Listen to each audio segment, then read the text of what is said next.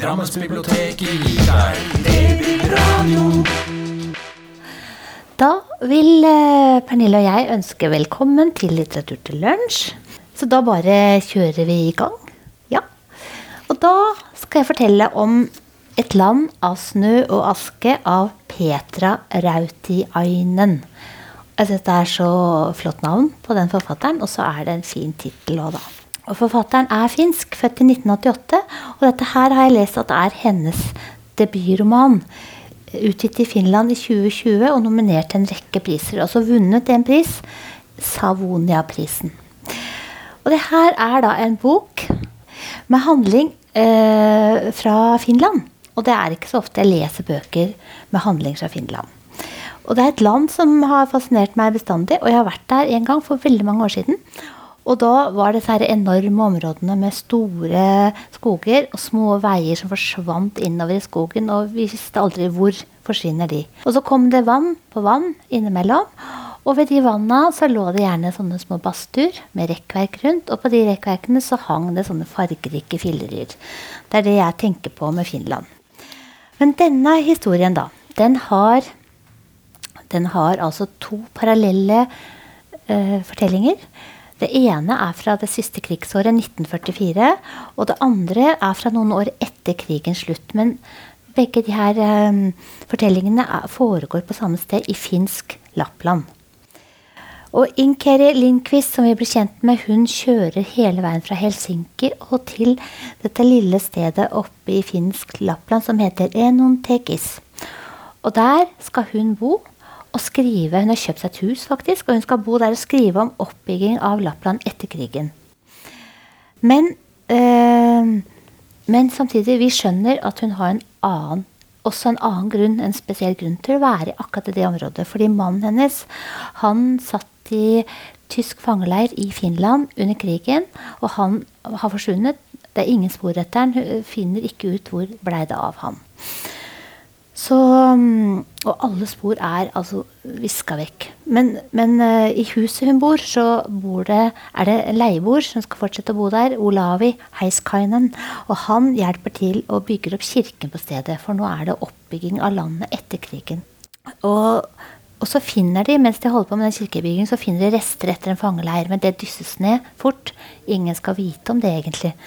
Og det, er, og det handler da om samer som ble evakuert under krigen. Og Inkeri hun prøver å finne ut mer om des, denne situasjonen til samene. Men hun skjønner at mange ting er dyssa ned. Og særlig om den fangeleiren som de finner. Og etter hvert så skjønner hun at han Olavi, leieboeren, han bærer på en hemmelighet. Uh, og det er um, flere hemmeligheter i dette her uh, området. Og så går vi tilbake til, så går vi inn i den andre fortellingen, og da går vi tilbake til 1944, siste krigsåret. Og det er et sted ved en sjø i nærheten av det her andre stedet. Og der driver de med et slags forsøk på fangene. Både døde og levende fanger. Og det er altså og de kaller seg raseforskere, de som holder på med det. Og de skiller uønskede elementer fra resten av fangene. Eliminering foretas om nødvendig. Og det de driver med, er noe de kaller skallemåling. De måler hodeskallene. Og de skal da bevise at lappfolket hørte til lavere raser, at de har en patologisk defekt, og kaller det de driver med, for raseforbedring. Så holdningene til samene er altså så nedlatende. Én uttaler dette. Tenk at det fortsatt fins sånne naturfolk i dag som har blitt værende på utviklingsnivået til nomader og jegere. Så det er veldig mye uforstand og fordommer her. Og det minner meg, hvis noen har sett en film som het 'Sameblod', som kom for noen år siden Det var, gjorde voldsomt inntrykk på meg, i hvert fall. Det var også om måle hodeskaller, gjøre diverse undersøkelser på samene som går på en internatskole der. Da. Og de veldig ydmykende og veldig nedlatende.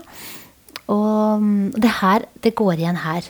Så Inkerif skjønner, hun som da er i den andre historien, hun skjønner eh, at det samme foregår på en skole, en internatskole i nærheten av der hun har kjøpt huset sitt. Så hun går inn i dette her for å finne ut mer, men det er jo alle disse hemmelighetene. Men eh, ting eh, nøstes opp etter hvert her, så det blir jo også som en liten krimgåte. Men eh, det er rå sår, opprørende historie om krigen, om samenes situasjon, om diskriminering og fordommer. Og så er det veldig Samtidig så er det en historie om finsk Lappland som i hvert fall ikke jeg vet så mye om. Så det var hvis tenker jeg i seg sjøl en god grunn til å lese boka. Det ble veldig mye om den boka, men det er veldig vanskelig å snakke om, for det er så mye rart som skjer. ja. Ja, nå tror jeg faktisk jeg bytter litt rundt på rekkefølgen her. Fordi Ja. eh, en av de bøkene jeg har lest, den foregår og samme tid, samme sted. Nei, Eh, nei. finsk eh, Lappland. Eh, og den Nei, heter vene, Og det visste jo ikke vi òg.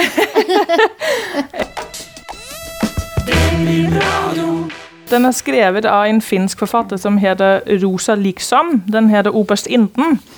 Eh, og altså, Den er dessverre ikke oversatt til norsk, eh, men man kan kjøpe den på dansk. Eh, og ja, Vi har tatt den med likevel, for den er fantastisk. Skal vi se. Men altså, som sagt så Nå må jeg bare passe på at jeg ikke roter altfor mye i notatene mine her. Der. Sånn. Som sagt så foregår den samme tid som den du fortalte om, og samme sted, men det her er liksom fortalt fra de som drev med de her former for rasediskriminering og utskilling osv. Altså, det er jo dessverre ingen nyhet at mange mennesker bærer på historier og erfaringer om undertrykkelse, både fysisk og psykisk.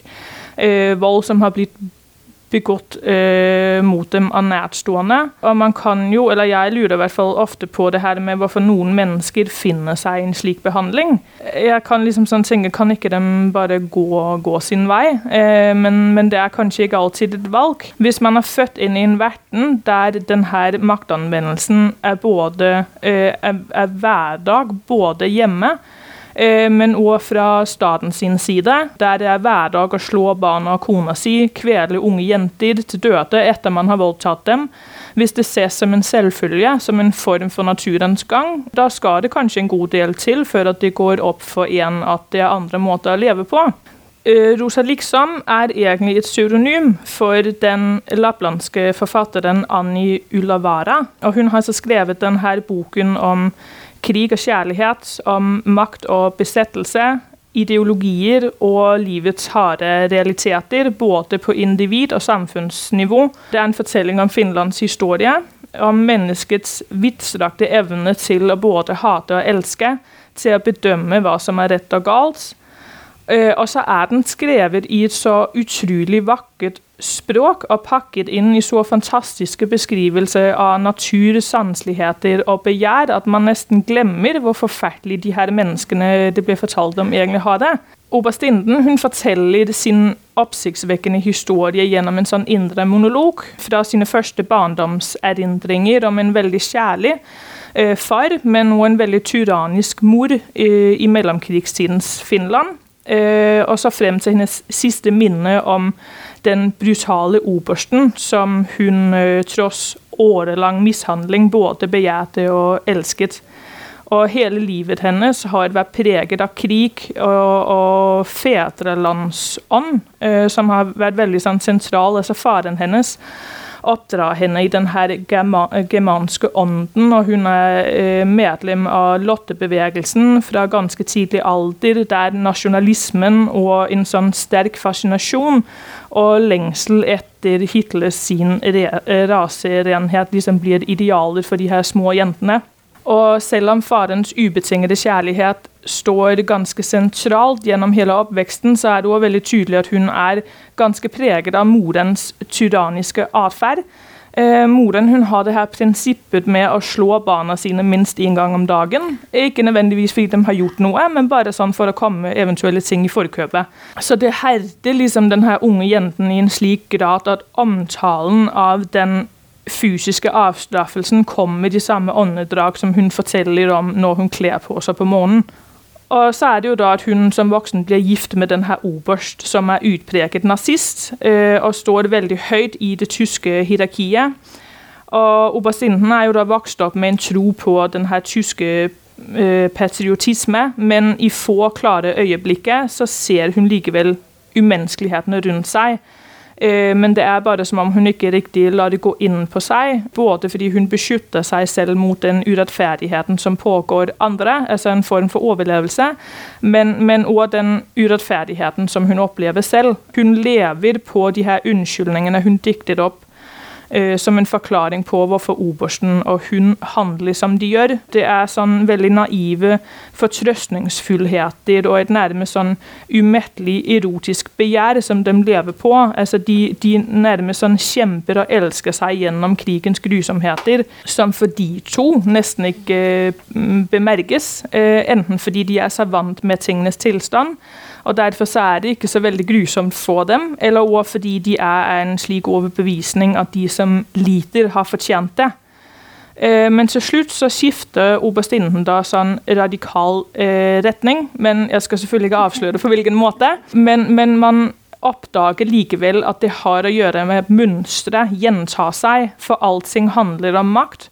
Og livet former seg etter hvem som tar den makten, om det er staten, foreldrene dine, ektemannen din eller deg selv. Eh, og det var egentlig litt sånn at jeg nesten ga opp boken underveis. fordi i begynnelsen så, så fanget den meg egentlig ikke noe særlig, men, men så var det plutselig noe med den måten som grusomheter og skjønnhet er vevet sammen, eh, som på en gang virker litt sånn absurd, men òg merkelig tiltalende, og, og, som bare fikk meg til sånn mekanisk eh, snu den ene siden etter den andre. Og andre ganger så ble beretningene liksom så voldsomme og kvalmende at jeg bare måtte legge boka fra meg. Eh, men, men, det er fortsatt noe sånn dragende i, i selv de mest sånn umenneskelige beskrivelsene. Eh, altså det blir på den måten noe ganske tydelig hvorfor mennesker ikke bare går sin vei når, når noen prøver å, å, kontrollere oss. Fordi det er noe sånn foruroligende tiltalende med makt. Eh, og det er nesten litt sånn naturstridig for oss å kjempe imot. Eh, og det gir den boken veldig veldig fine og gode, interessante nyanser på. Ja les den. ja, det må vi. Vi håper den blir oversatt til norsk. Vet du noe om det? I, altså, det er litt lenge siden den ble oversatt til dansk, egentlig, ja, så jeg tror dessverre ikke det er håp Nei. for det. Nei. Men man kan kjøpe den eh, her i Norge på dansk. Ja. ja. Og det går lett å lese. Ja. ja. Og det som du sier om at skjønnhet og grusomhet Noen ganger noen forfattere klarer det derre genigreiene. At det, du orker nesten ikke å lese det, men så er det mm. så, samtidig så utrolig godt skildra. Eller det blir så Ja, det er veldig rart. Ja. Cormac McCarthy, han skriver sånn. Ja. Det er helt forferdelige ting som blir også Inni det så er det skjønnhet. Mm. Ja, det er helt utrolig, men det går an. Ja. ja. Og da, dere, da skal vi altså inn i Tilbake til Da skal vi til Norge. Fra Finland til Norge. Og dette her er Eivind Hofstad Evjemoen sin sjette roman, og jeg hadde ikke lest noe av han før.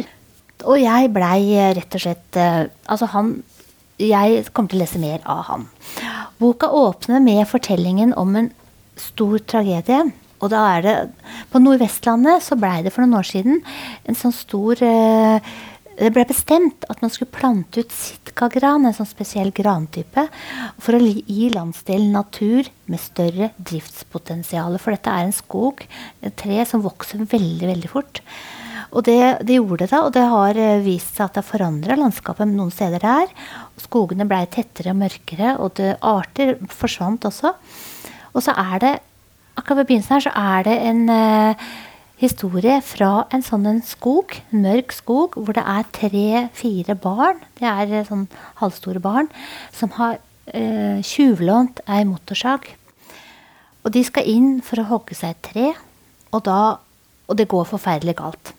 Og sånn åpner det her, og så går vi inn da i um, Og jeg tenker, jeg tenker, at dette er sånn slags sånn forvarsel eller frampek på det der, hva som kan skje når noen prøver å kontrollere naturen, og ikke viser eh, naturen respekt, og ikke spiller på lag med den.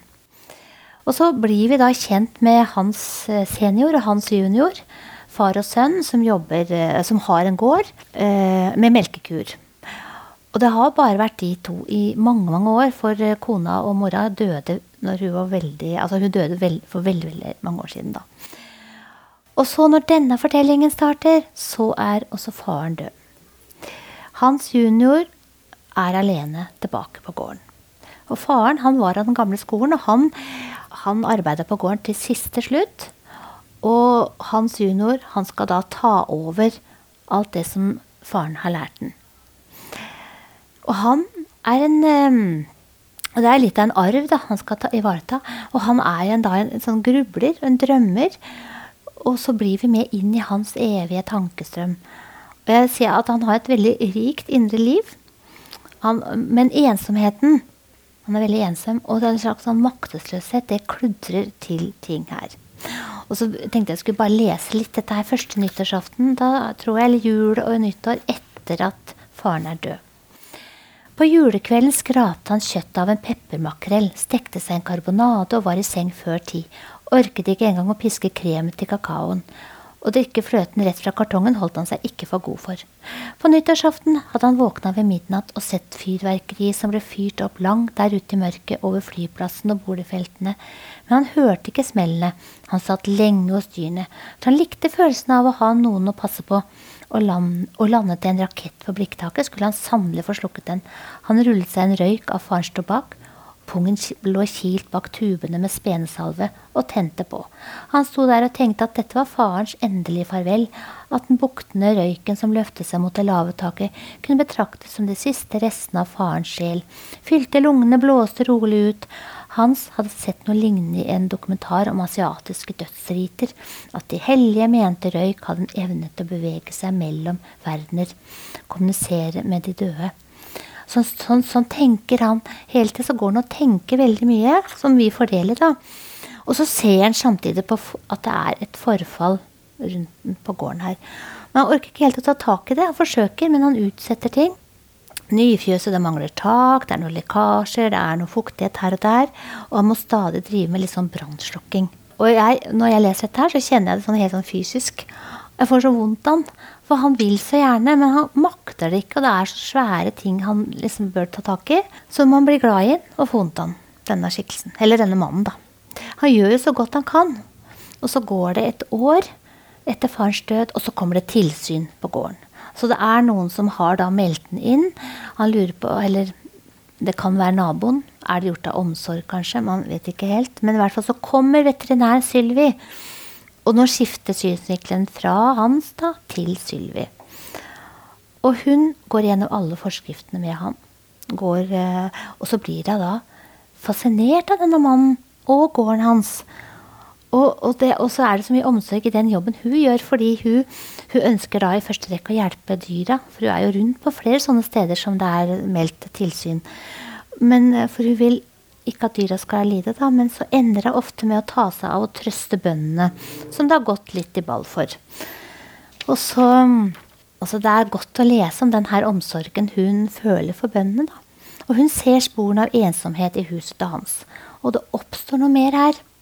For Hans han inviterer Sylvi tilbake til gården, til fisketur ut på vannet i kveldssola, og så til kokte egg ved kjøkkenbordet etterpå. Og Det er sånn forsiktig tilnærming. Veldig nydelig skildra det her. Og hvordan da omsorg og ømhet og godhet forsiktig finner sin plass. Fra usikkerhet til litt mer sånn trygghet dem imellom.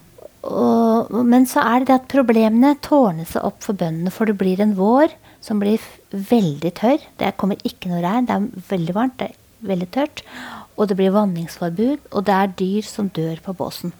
Og hvordan da skal disse bøndene klare å fortsette driften, overleve det her? Og spenninga bygger seg opp, og det er altså så Dette er ei bok som du blir så veldig at Ja, du blir så um, opprørt, samtidig som du føler så veldig med alle, alle som driver med akkurat den som driver sånne små gårdsbruk rundt omkring. da. Uh, bondens kjærlighet til gården og til dyra, og så det derre ønsket om å få det til til tross for at fremskrittet og forskriftene stadig står ute på tunet og krever sitt. Og ting kommer ut av balanse, og det er ikke alt bonden rår med. Så, og så er det, det er tydelig at forfatteren også har en veldig sånn respekt og sympati for uh, det bonden gjør. Arbeidet hans, da. Og det står her at uh, det heies på sunt, det sunne bondevettet som noen mener da burde stått på Unescos verdensarvsliste. Og, jeg, og det er for veldig lyst til å lese mange sånne partier. Det er sånne, mange sånne, sånne, stemningsrapporter. på en måte. Han skriver seg så, så nydelig. Så det er, vil jeg si, det er realistisk, men det er også veldig poetisk. Ja. Det var det. Den, Den, den skal jeg lese. ja, ja. Jeg blei altså så glad i han der mannen og hun og det derre Å, gud, hva de har å stri med. Mm. Ja. Ja, det er bra vi òg kan inspirere hverandre. Ja. ja, det er jo akkurat det det er. Eh, den neste boken jeg har tatt med, eh, heter 'Unge Tøles' og er skrevet av Robert Musil i 1906. Så det er jo en eh, gammel bok, men absolutt en klassiker som er verdt å fremheve. Det er en, en sånn klassisk dannelsesroman, egentlig, men med et sånn sterkt freudiansk preg, eh, og kan på mange måter egentlig minne litt om William Golding sin 'Fluenes eh, herre'. Det er litt sånn samme opplegg. Hva skjer med barn når det ikke er voksen til stede? Som tenåring så begynner Tør- Tørles på en av eh, Østerrikes mest prestisjefylte kostskoler.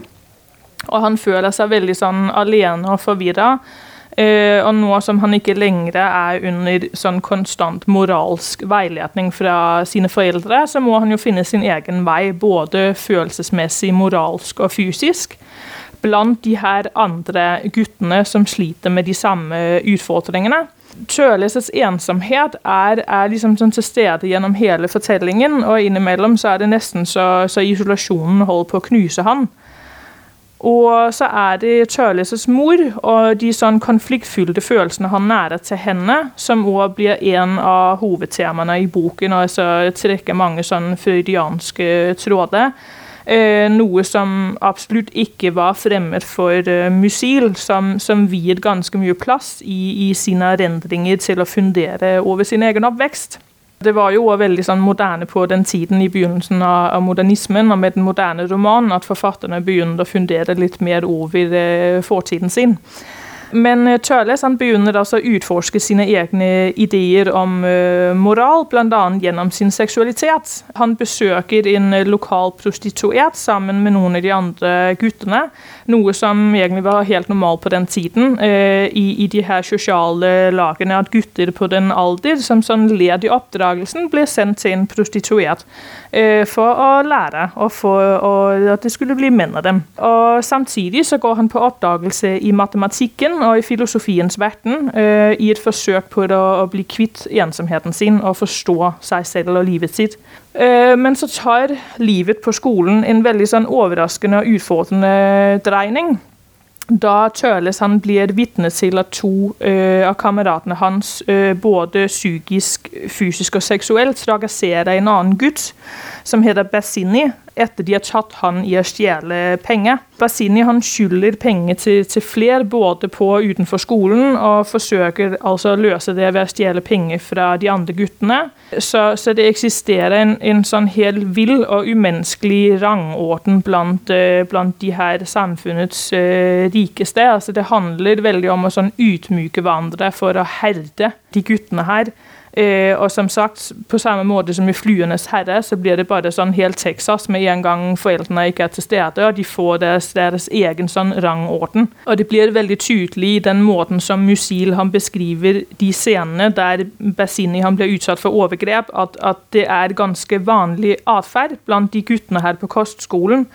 Og det finnes jo også veldig mange andre romaner og film som forteller den samme historien eh, opp gjennom tiden. Eh, men, men, så er det også noe i denne nøkternhet som Musil han fremstiller det på, som gjør det på den ene siden ekstra grusomt å lese, men samtidig så gir det også rom for å stille spørsmål. Altså, det gjør det mulig å se det interessant, se det interessant i denne atferden. Jeg, jeg, tenker mye på det her sånn Finnes det en bøttel i oss alle? Eh, hva er det som gjør at noen blir ofre, og noen som blir bøttel, og noen som er medløpere eller tilskuere? Når Musil han da samtidig blander inn mange filosofiske og matematiske tankeeksperimenter, så gir det virkelig anledning for leseren til å tenke over en ting eller to. Eh, og det er veldig veldig mange ting man kan ta opp med denne romanen her den gir et interessant innblikk i både tiden den er skrevet i, både samfunnsmessig og litterært, samtidig som den også åpner opp for, eh, for, spennende spørsmål i forhold til menneskets syke, vårt sosiale liv, men òg øh, hva ensomhet og store omveltninger i livet øh, kan gjøre med oss. Og jeg tenkte, når du forteller om den, så tenker jeg på den, Er det ondskapen av Yang Guo? Er det, er det det han heter? Ondskap eller noe sånt? Det er sånn. Ja. Også fra en sånn skole. Oh, ja. Hei. og så hvor det, hvor, det, hvor det er den der fryktelige mellom Mm. hvordan de hunser hverandre og tar hverandre og Ja, ja nettopp. Altså, det er jo noe man egentlig har hørt mye om. De, de der beretningene fra kostskoler øh, før, i tiden. Eller man tenker det hører til før i tiden. Men det var faktisk siste år der kom det en dansk øh, dokumentar fra en kostskole i Danmark som heter Herlufsholm. Som er sånn veldig øh, kjent eh, kostskole for sånn eh, samfunnets rikeste. De kongelige har gått der og sånn. Eh, og da kom det fram veldig veldig mye altså er det samme med elever og lærere som mishandler hverandre for, fordi det er sånn lett i oppdragelsen. Det er fullstendig sykt, men, men at det, det skjer fortsatt. Men også er det jo noe i det der Er, er det menneskets natur? Er, er, er det sånn vi er, liksom? Hvis vi har mulighet for det? Det er, det er både skremmende Ja. og Det er spennende. skremmende og spennende. Ja, Ja. Riktig, det er riktig. Så her kan det bli masse spennende diskusjoner. Veldig bra. Da går vi altså Da drar vi til Ja, vi drar til Sør-Tirol faktisk nå. Og det her er en bok som heter 'Jeg blir her' av Marco Balsano. Helt, altså Han regnes for å være blant de beste italienske forfatterne i sin generasjon, men dette er den første boka hans på norsk. Og så, og så sa at den var utgitt av et forlag jeg aldri har hørt om, som heter Gursli Berg Forlag.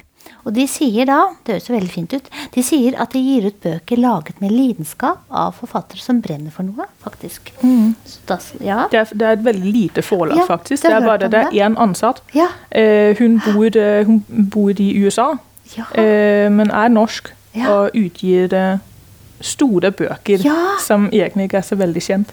Nei, ikke sant? Så bra. Jeg hadde ikke hørt om det, så det var veldig artig, altså. Og da jeg begynner med å lese lite, lite bit fra begynnelsen. Du vet ingenting om meg. Likevel vet du en hel del fordi du er datteren min.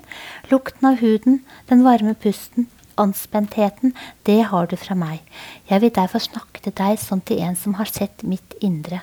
Jeg kunne beskrevet deg ned i minste detalj, og faktisk, visse morgener når snøen tårner seg opp og huset er innhyllet av en stillhet som skjærer i luften, kommer jeg på nye detaljer.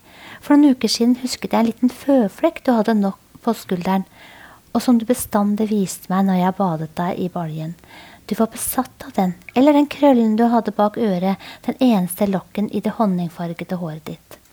Og det er, bok, nei, det, er, det er en mor da, som skriver til datteren sin. Og så skjønner vi mer og mer at dette er en datter hun av en eller annen grunn ikke har noen kontakt med lenger. Og vi vet ikke hva som har skjedd. Er datteren død? Så boka åpner med det her mysteriet, og så gir den seg mer og mer ut. Denne moren, Trina, er da og er, Hun er da hoved, hoved, hva heter det for noe? Hovedrollen, Nei, hovedperson i denne historien, da.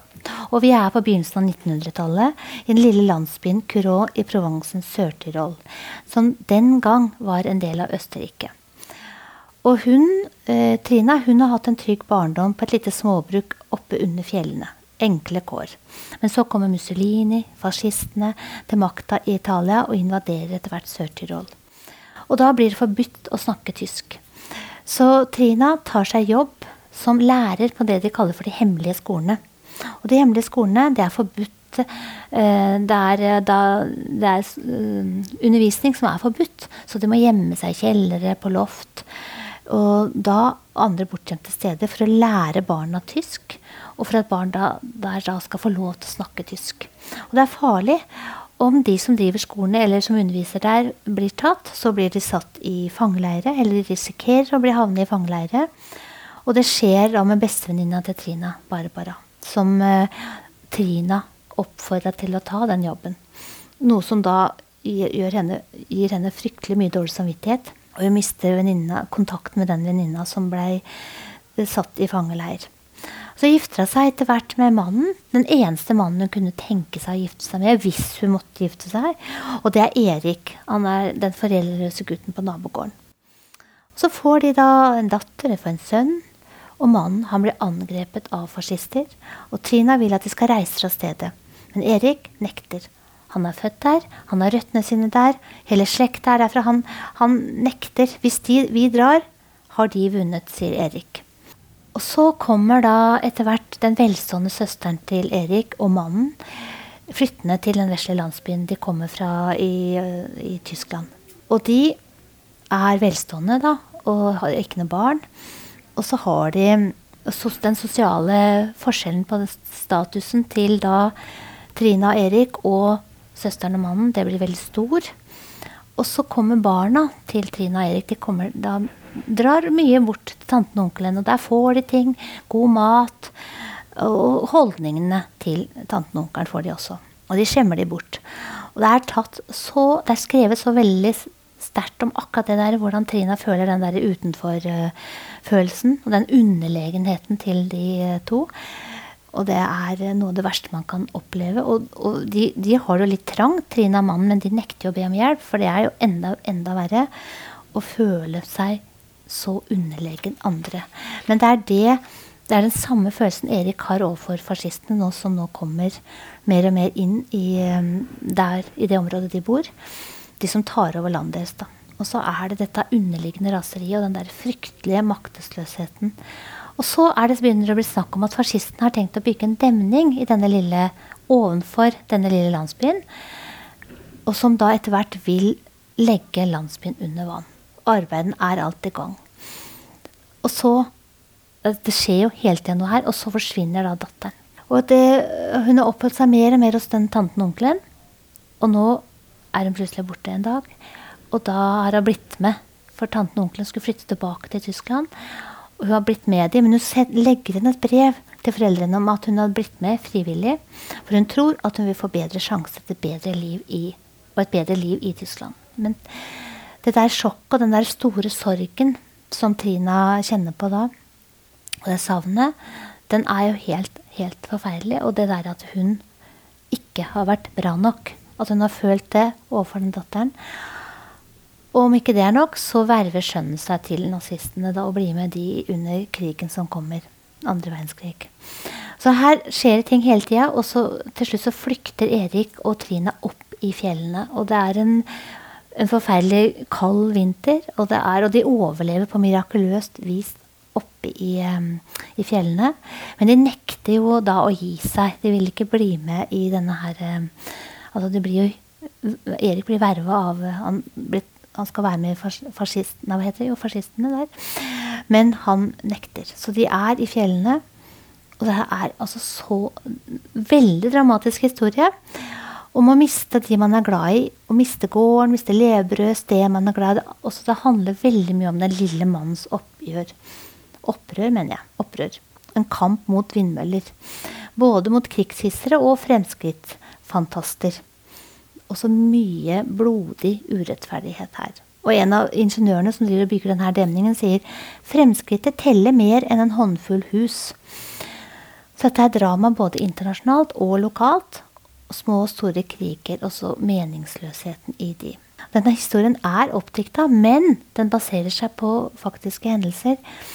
For jeg har lest og googla og lest meg opp her på Sør-Tirol, Mussolini, fascistene. Og så har jeg lest om denne vesle landsbyen som faktisk finnes, eller fantes, fordi den demningen ble bygget. Og den landsbyen ble lagt under vann.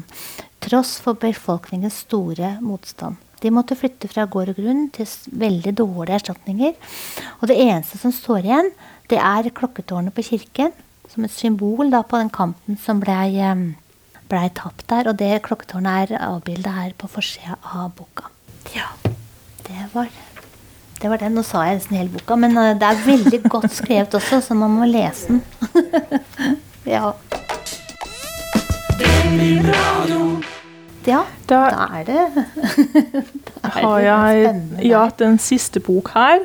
Og da skal vi til Italia. Vi kommer oss godt utenfor de norske grensene i dag.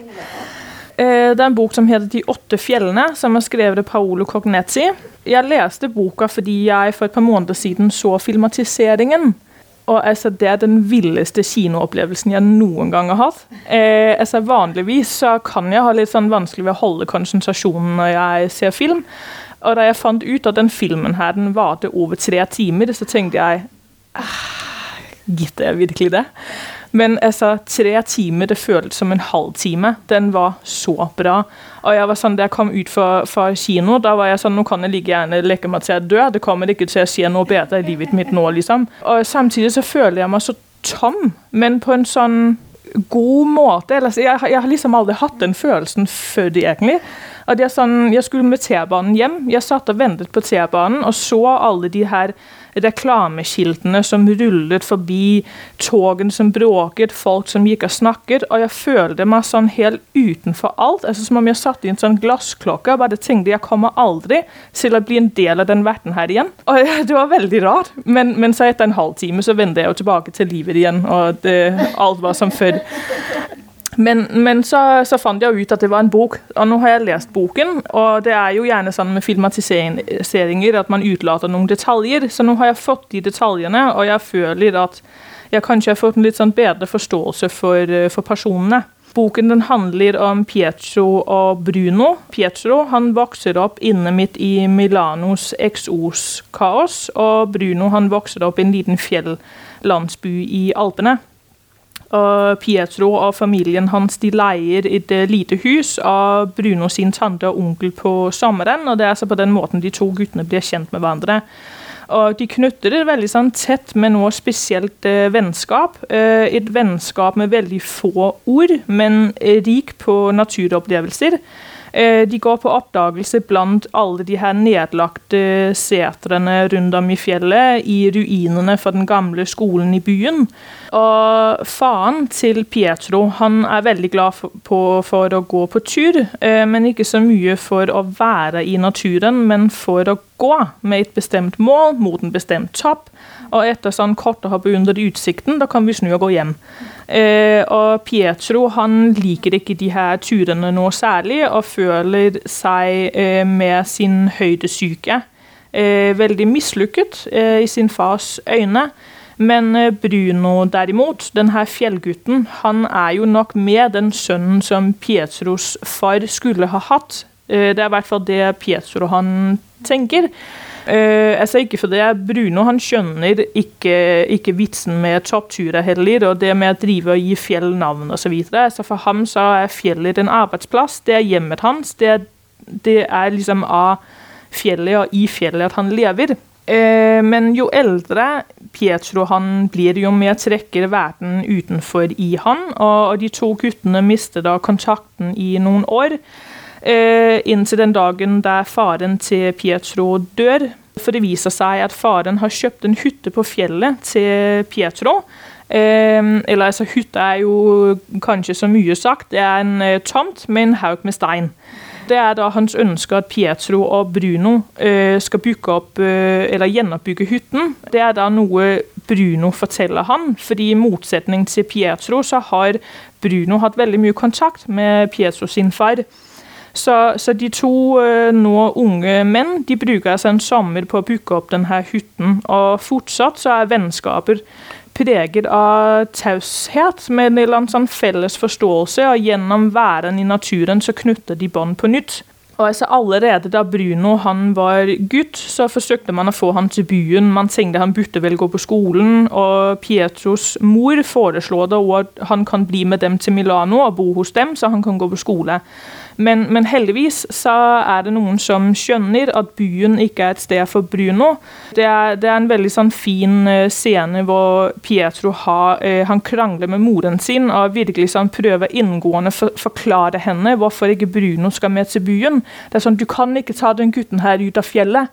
Han, han, han må være på fjellet. Han, det er livet hans, liksom. Men, men ja, tiden går, ting blir modernisert, det blir mer og mer vanskelig å leve et, et uavhengig liv på fjellet. Og Bruno blir jo påvirket av det. Så senere erfaringer også vise at uh, Pietro hadde uh, rett i at Bruno ikke kunne forlate fjellet. Men, uh, men ja, det, det, det, skjer veldig mye der som er veldig, veldig vakkert. Eh, jeg skal ikke avsløre, avsløre, det, men den er, liksom, den er så vakker og den er lærerik og gir så mye stoff til ettertanke. Altså det her med Trenger vi virkelig all den velstand for å være lykkelig? Og hva når overflod og vår vår egen individuelle vel velstand ødelegger for de som ikke nødvendigvis uh, har de samme mål i livet. Er, altså, er det så veldig solidarisk, egentlig? Det, ja, altså, det, er, det er en fortelling om et livslang vennskap som, som tross det at det kunne ligge misunnelse og litt sånn inneklemte følelser i forhold til, til faren og sånn, så, men, men, det er det ikke, fordi sånn er personene ikke. Så det blir en veldig sånn vakker historie om selvoppofrelse og nestekjærlighet. Eh, med den her storslåtte italienske naturen som bakteppe. Ja, jeg gleder meg til jeg kan se filmen på nytt. ja. ja. Oh. Ah, ja, da, dere, da går vi altså eh, fra de italienske fjellene inn i eh, poesien. Jeg har med en diktbok i dag også. Og det er en Den heter 'Jeg vil være her'. Være her, ja. Og det er Olaug Nilsen som har fått oppdraget da. Å samle dikt til denne samlinga her. Det er dikt som skal være for de som er eller har vært i en krise. Og jeg vil legge til at dette også er diktsamling for alle som trenger litt eller kanskje mye trøst i hverdager som ikke alltid går opp. Og diktsamlinga har fått fire deler, som heter da Mørkt, Flukt, Tåle, Lysere. Hele samlinga den åpner med det her kjente diktet av Sondre Bratland, som har blitt tonsatt og er brukt mye som går sånn de to første linjene. Gi meg, gi meg handa di ven når det kveldar, det blir mørkt og me treng ei hand. Jeg kan ikke lese det høyt, så jeg blir alltid så rørt av det diktet. For det er så Og den sangen òg er veldig, veldig fin. Da. Og i delen som uh, er kalt Som har fått um, tittelen 'Mørkt', og der er det altså satt ord på de vondeste følelsene. Uh, alt som er mørkest, da. Uh, nei, hva er det jeg sier for her? Angst. ensomhet, jo, det er alt som er mørkest. Angst, ensomhet, savn og sorg. Og i den delen som er kalt for flukt, der har Olaug Nilsen selv med et dikt. Og hun vet jo hva hun snakker om, hun som har en sønn med en veldig alvorlig uh, autismediagnose. Som kjenner da stadig på den der følelsen av fortvilelse og maktesløshet. Og behovet for nettopp flukt. Og da hva gjør man da når det er alt, alt, alle muligheter syns lukket, og man vet ikke hvordan man skal komme seg videre i det? Så har hun skrevet det her. Å ønske seg vakre gjenstander og tenke ut et rom. Ut fra det visuelle i stedet for det praktisk mulige. Og sette fram ei pynta blautkake på en duk, dekke på rundt kaka, tynt porselen. Og, og så kom vi til delen som heter Lysere. Og der kommer dette her blafrende håpet. Som i det her diktet av Ruth Lillegraven som heter Vårvill. Eg er, eg er, eg er, seier den vesle, vakre våren. Kikar opp mellom restene av haust og er alt som blei borte. Eg er ekte og vanleg vår, seier han. Og eg lovar, lovar gull og grønne skogar, hender og hår, småsko og lange dager. Bare vent, bare vent. Og det her diktet har jo også da gitt navn til um, samlinga 'Jeg vil være her'. Og, og det er en samling som jeg tenker at den, er, den, burde alle kanskje eie. Ha med seg på veien i livet. Stanse opp, leite fram et dikt å varme seg på og trøste seg med, eller kanskje gi bort i gave. Det er mye gjenkjennelse og trøst i her. Og så hørte jeg akkurat et intervju med hun Trine Skei Grande, som snakka om å lese dikt, og hun kaller det for tankeyoga. Det å lese dikt. Og det kan jeg være enig i. Ja. Da var det alt for oss i dag. ja. Mm. Takk fordi dere kom. Babyradio.